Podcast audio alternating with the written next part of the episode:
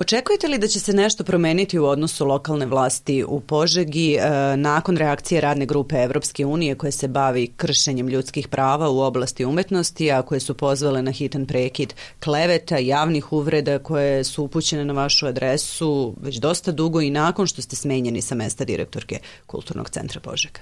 Ja svakako očekujem da će bar prestati ti pritisci, da će prestati e, iznošenje nekakvih neistina, javnih uvreda i svega onoga što zapravo predstavnici lokalne vlasti čine na lokalnim medijima, na društvenim mrežama. Zapravo nadam se da ovaj apel radne grupe Evropske unije nije poslat samo iz razloga da bi se slučaj internacionalizovao i da bi što više kolega ljudi e, čulo za njega, nego upravo to da bi se, da kažem, jedan građanin Republike Srbije zaštitio i da bi zapravo ti pritisci prestali i da bi republički organi, republičke institucije na neki način izvršile pritiske pritisak na lokalne vlasti da prestanu da to čine. Pismo su uputili i na adrese predsednika i premijerke i ministra kulture. E, da li vam se neko obraćao? Ne, meni se niko nije obraćao.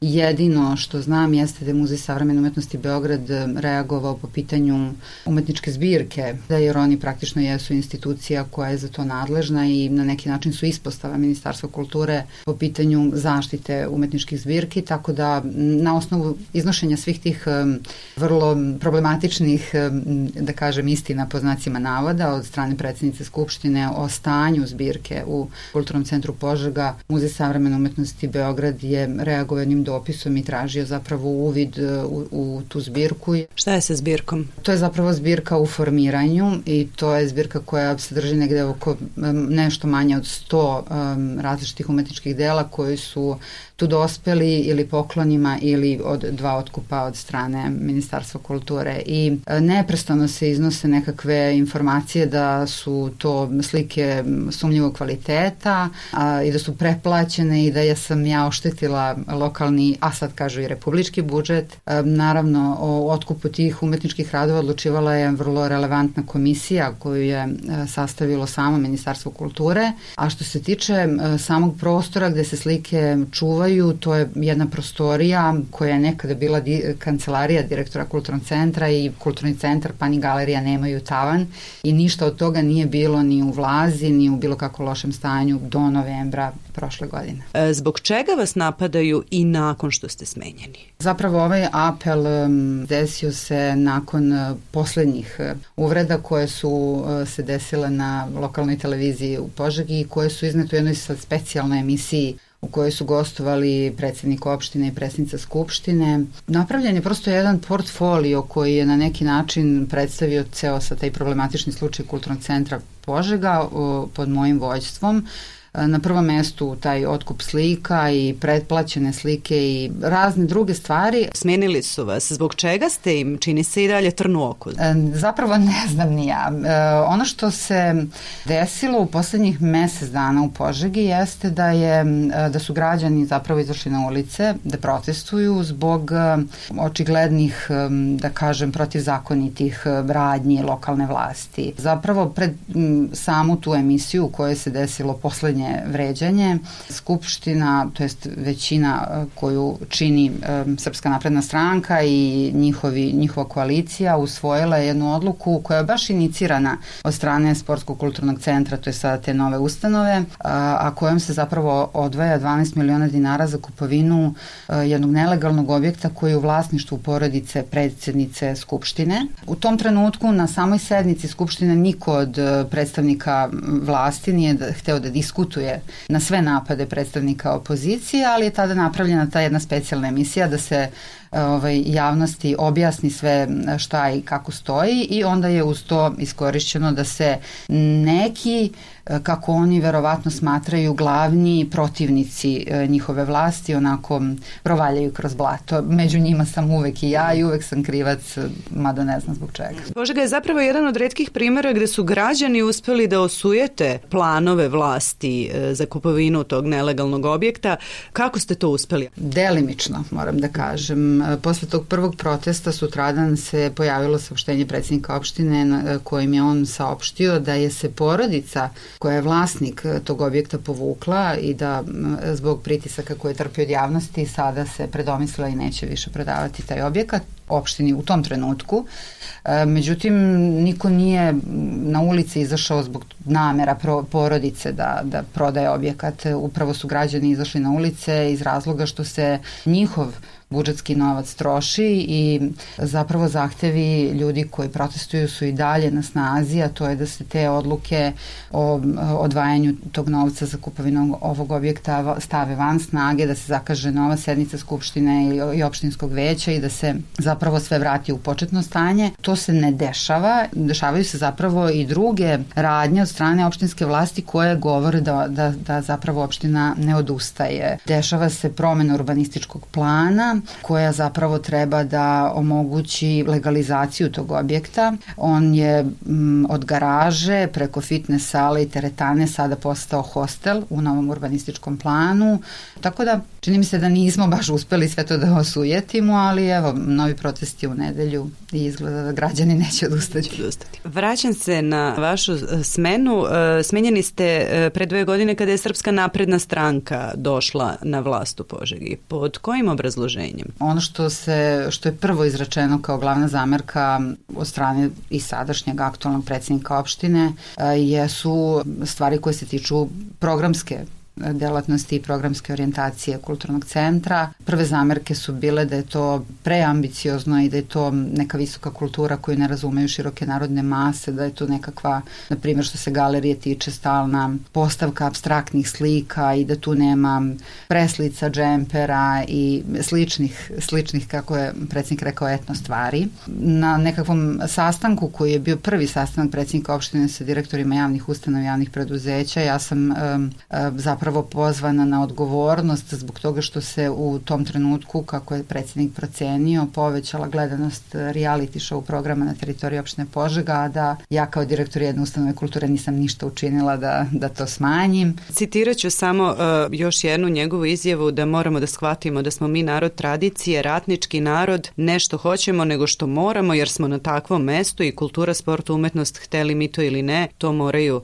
da prate. Kako biste na ovo odgovorili? Pa to je e, nekako, čini mi se, vrlo često u poslednje vreme. Nažalost, Požega deluje kao neko mesto gde se to jedino dešava, ali možda, zahvaljujući nekim od nas koji smo te stvari iznali u javnosti koji prosto nismo hteli da ćutimo. To su klasične populističke izjave političara koji sada podilaze svojim izjavama širokim narodnim masama, koje oslobađaju ustanove kulture od elitista, od ljudi koji su, kako oni kažu, samo proklamovani intelektualci ili ne znam, kulturolozi koji zapravo samo plasiraju nekakvu umetnost njima razumljivo i tako dalje. Ne znam kako da kažem, to, to su upravo te populističke izjave koje nekako dele same građane na te neke elite i na narod i mi smo nekakvi protivnici ne znam čega naroda ili nekakvog širokog obrazovanja ili neke kulture koje je za široke narodne mase. Mislim što apsolutno je neistina i što ne može se tako posmatrati nikako. Uprkos reakcije brojnih javnih ličnosti, institucija kulture i potpisa nekoliko hiljada građana na kraju i odluke suda, vi na svoje radno mesto niste vraćeni. Vaš slučaj je prošao zapravo nekoliko sudskih instanci. Tako je. Prva presuda je zapravo bila od strane Višeg suda u Užicu i ona je dobijena, da kažem, u moju korist po sve tri stavke. Nakon toga opština uložila žalbu i ceo um, postupak je dalje otišao na apelacioni sud u Kragujevac i onda je se prošle godine, negde mislim mart, april, e, nisi sigurna, desila i ta druga presuda koja je zapravo potvrdila takođe da je razrešenje bilo nezakonito i da je rešenje o razrešenju ništavno, ali onu drugu stavku vezano za vraćanje na to mesto direktora, apelacioni sud u Kragujevcu se proglasio nenadležnim da to učini, rekavši da je to sada na samom poslodavcu, što je nekako bilo nelogično, jer u mom sporu nije bilo, bio tužen poslodavac. Moj poslodavac je u tom trenutku bio kulturni centar, a ja sam tužila osnivača opštinu koja me razrešila i m, direktor nije zapravo radno mesto, to je funkcija na koju se neko imenuje po konkursu ili na period od godinu dana kao vršilac dužnosti. Tako da smo mi zapravo tu presudu poslali na Vrhovni kasacioni sud, na reviziju u toj drugoj stavci i mi još uvijek čekamo. E, sada više i nemate zapravo gde da se vratite. Kakav je danas kulturni centar i šta se dogodilo sa njim u ove dve godine? To je nekako bilo i očekivano. Mislim da je baš i vaša kuća izveštavala o tome, da je e, sam predsjednik opštine rekao da će se kakva god presuda bude, oni izmigoljiti i naći nekakvo zakon, zakonito migoljenje i da će oni verovatno spojiti, ugasiti kulturni centar, čak je rekao kao u izreci Drumović će poželeti Turaka, ali Turaka biti neće, tako će bivša direktorka poželeti kulturni centar, ali ga biti neće i to se zapravo desilo. Ona je likvidirana i, i likvidirana još jedna privredno društvo, oni su bili zapravo javno preduzeće, sportski objekti, pod izgovorom da zapravo se to čini radi uštede i radi toga da javno preduzeće kao što su sportski objekti više ne mogu biti finansirani iz budžeta, što i jeste po zakonu, ali to nije moralo i nikakve veze da ima sa samim kulturnim centrom koji kao ustanova postoji od 62. godine i koji je menjao imena i menjao i čak i delatnosti i zvao se jedno vreme i radnički univerzitet Dragan Kuveljić i tako bavio se obrazovanjem, ali ga nikad niko nije ukinuo. E, paralelno sa tim išla je registracija nove ustanove koja se zove Sportsko-kulturni centar. Zanimljivo je takođe da je bivši predsednik upravnog odbora koji je upravo bio ovako vrlo uključen u moju smenu i vršio na neki način i tri meseca pritisak na mene da sama podnesem ostavku, onda predložio to razrešenje. On je sada jedan od zaposlenih u kulturnom centru, iako je po struci poljoprivredni tehničar i zaista ne znam kakve su, kakav je opis posla koji on obavlja. E, iskreno da vam kažem, ne pratim. E, ono što se može negde videti na toj lokalnoj televiziji, na društvenim mrežama, vidi se da, e, na primjer, opštinski odbor Srpske napredne stranke dolazi organizovano u tu galeriju, da oni u rukama na tim fotografijama drže informator svoje stranke i kao da su upravo sa neke sednice tu došli. U javnosti se zapravo predstavlja da je ta ustanova napokon oslobođena od tih kvazi elitista i nekih kulturnjaka koji su zapravo plasirali tu umetnost koju samo oni razumeju. A zapravo u vreme kada ste ga vi vodili uspeo je da promeni vrednosti kulture u ovom mestu i postao prepoznatljiv po sadržajima, dobio niz nagrada. To je, da kažem, jedan mali dom kulture u jednoj maloj opštini i ono što je bilo nekako ključno jeste da smo, da smo pisali dosta projekata, dobijali dosta sredstava iz republičkog budžeta ili od drugih donatora, da smo obnavljali opremu, da smo uvodili nove programe i ono što je meni bilo nekako najznačajnije jeste da smo uključivali sve kreativne potencijale koji u Požegi postoje, da smo se nekako otvorili za e, samostalce, pojedince, kreativne stvaraoce, ako ih Požega ima, e, za saradnju sa drugim ustanovama i sa naravno nevladinim organizacijama. I gde ste danas i šta radite? Pa danas sam praktično prijavljena na nacionalnoj službi za zapošljavanje kao nezaposlena.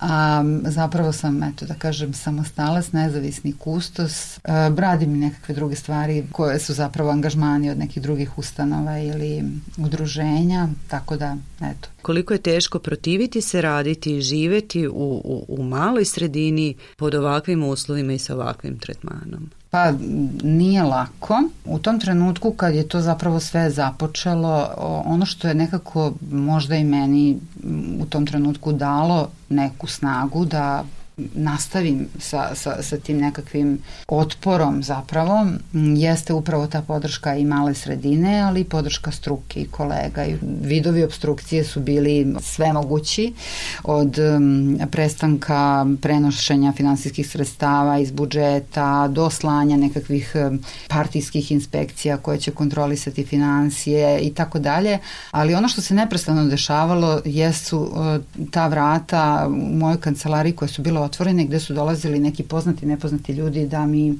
pruže podršku i da, da kažu da treba da istrajem i tako dalje. Ono što mm, je nekako um, opterećujuće jeste da u toj sredini žive moji roditelji, roditelji moga supruga, da oni zapravo gledaju te lokalne medije i da te neke druge ljude, nama bliske, više te neke stvari, kada se iznose neke neistine ili nešto, diraju nego nas same. Mislim, mi smo negde sigurni i da nismo bili sigurni u to ne bismo javno ovako istupili. Imate li utisak da umetnici uz druge profesije koji se javno protive ili zalažu za pitanja koja nisu na liniji vlasti bivaju kažnjeni? Pa nekako mislim da jeste tako. Zapravo kao da kada se neko individualno usprotivi nekako zvaničnom stavu lo, vlasti, bilo na lokalnom, republičkom, na bilo kom nivou, on nekako biva obeležen kao ne sad ono neki neistomišljenik ili protivnik u sučeljavanju stavova, nego prosto kao protivnik države, kao protivnik razvoja, napretka, kao neko ko je, ne znam kako da objasnim, kao što je predsjednica Skupštine rekla će ovom izložbom slika koje je kulturni centar otkupljivao pokazati šta je to galerija ne ponovilo se kao da je to ona degenerisana umetnost koju su nacisti pokazivali 37. godine. Mislim, prosto bivamo na neki način obeleženi kao tako se ne treba raditi. A da li bi Aja Jung, selektorka festivala igre, mogla biti primer suprotne vrste? Mi znamo da je Beogradski festival igre godinama unazad, deceniju unazad, vrlo visoko kotiran od strane Ministarstva kulture um, je dobijao jako visoke budžete na konkursima i prošle godine plesna scena koja je sastavni deo, da kažem, i asocijacije nezavisne kulturne scene, dosta, dosta tih organizacija su članice asocijacije nezavisne kulturne scene, ja mislim podnala čak i tužbu protiv Ministarstva kulture, prosto jedan nesrazmeran odnos onog budžeta koji je u toj oblasti za ples. I ljudi iz te oblasti kažu da su zapravo mladi plesači, igrači ovde ugroženi u smislu da se za ovu našu produkciju ne odvaja i da oni nemaju gde da igraju. Kada je to sve tako i kada postoji jedan prestižni festival i postoji fondacija za ples ili kako se ta škola već zove, ja zaista ne znam zašto je nekome potrebno da stane na e, drugo mesto, treće koje je neke izborne liste i Plus, pored toga da kaže ja neću biti odbornik u Skupštini grada. Zašto se onda tu stalo? Mislim, to je toliko očigledno da smo izgubili sve parametre, da ćemo tu stati, da bi naši festivali, naši projekti, naše neke ideje bile finansijski podržane. To je toliko očigledna jedna trgovina. Zašto visoka kultura e, ne može opstati bez podrške vlasti? Pominjana malo praje, Jung je rekla da se uspeh e, kulture i kulturnog menadžera ili nekog festivala projekta meri na blagajni, to apsolutno nije istina. I da je to tako, ovaj festival sigurno ne bi imao, dobijao i, i potraživao neku podršku države. Visoka kultura je zapravo nekomercijalna jedna delatnost koja je neophodna za pra, praktično i edukativne svrhe i zarad održanja duha i i uopšte neprestano imamo sad tu neku polarizaciju na nas kulturnjake koji se bavimo savremenim stvaralaštvom ili kulturnjake koji se bave kulturnim nasleđem i na profesionalizam, amaterizam. Mislim da, da je upravo ta visoka kultura koja je u domenu savremenog stvaralaštva zapravo kulturno nasleđe koje mi ostavljamo generacijama koje tek dolaze i, i zato je neophodno da bude podržana jer ukoliko ne bude podržana mislim šta zapravo mi ostavljamo. Svedoci smo uz upozorenja stručne javnosti urušavanja institucija kulture. Imamo brojne primere od smena njihovih direktora, dovođenja novih ljudi po partijskoj, a ne stručnoj e, liniji. Šta je tome razlog i zbog čega je za vlast važno da ulazi u ovo polje i, i preuzima ga? Požega uopšte nije usamljen slučaj. Nažalost, e, to se dešava. Ljudi najčešće biraju da prosto ćute i da rade svoj posao onoliko koliko im se da da rade. E, ovo su prosto neke ustanove koje su apsolutno prepuštene lokalnim vlastima na milost i nemilost i eto, ja sam to uvek govorila, ako njima padne na pamet da ih ukinu, oni će ih ukinuti i eto, to se i desilo. Ja mislim da o, ovom nekom represijom koja se, se vrši dobija se samo kontraefekat praktično. Vraćam se e, na početak. Radna grupa Evropske unije je samo u prethodnoj godini prijavljeno im je pet slučajeva kršenja umetničkih sloboda i kleveta, zbog čega najavljuju da će i dalje pratiti stanje slobode izražavanja u umetnosti u Srbiji. E, koliko mislite da pritisci sa strane mogu dovesti do promjena? Pa eto, naravno, nada postoji da mogu roditi plodom.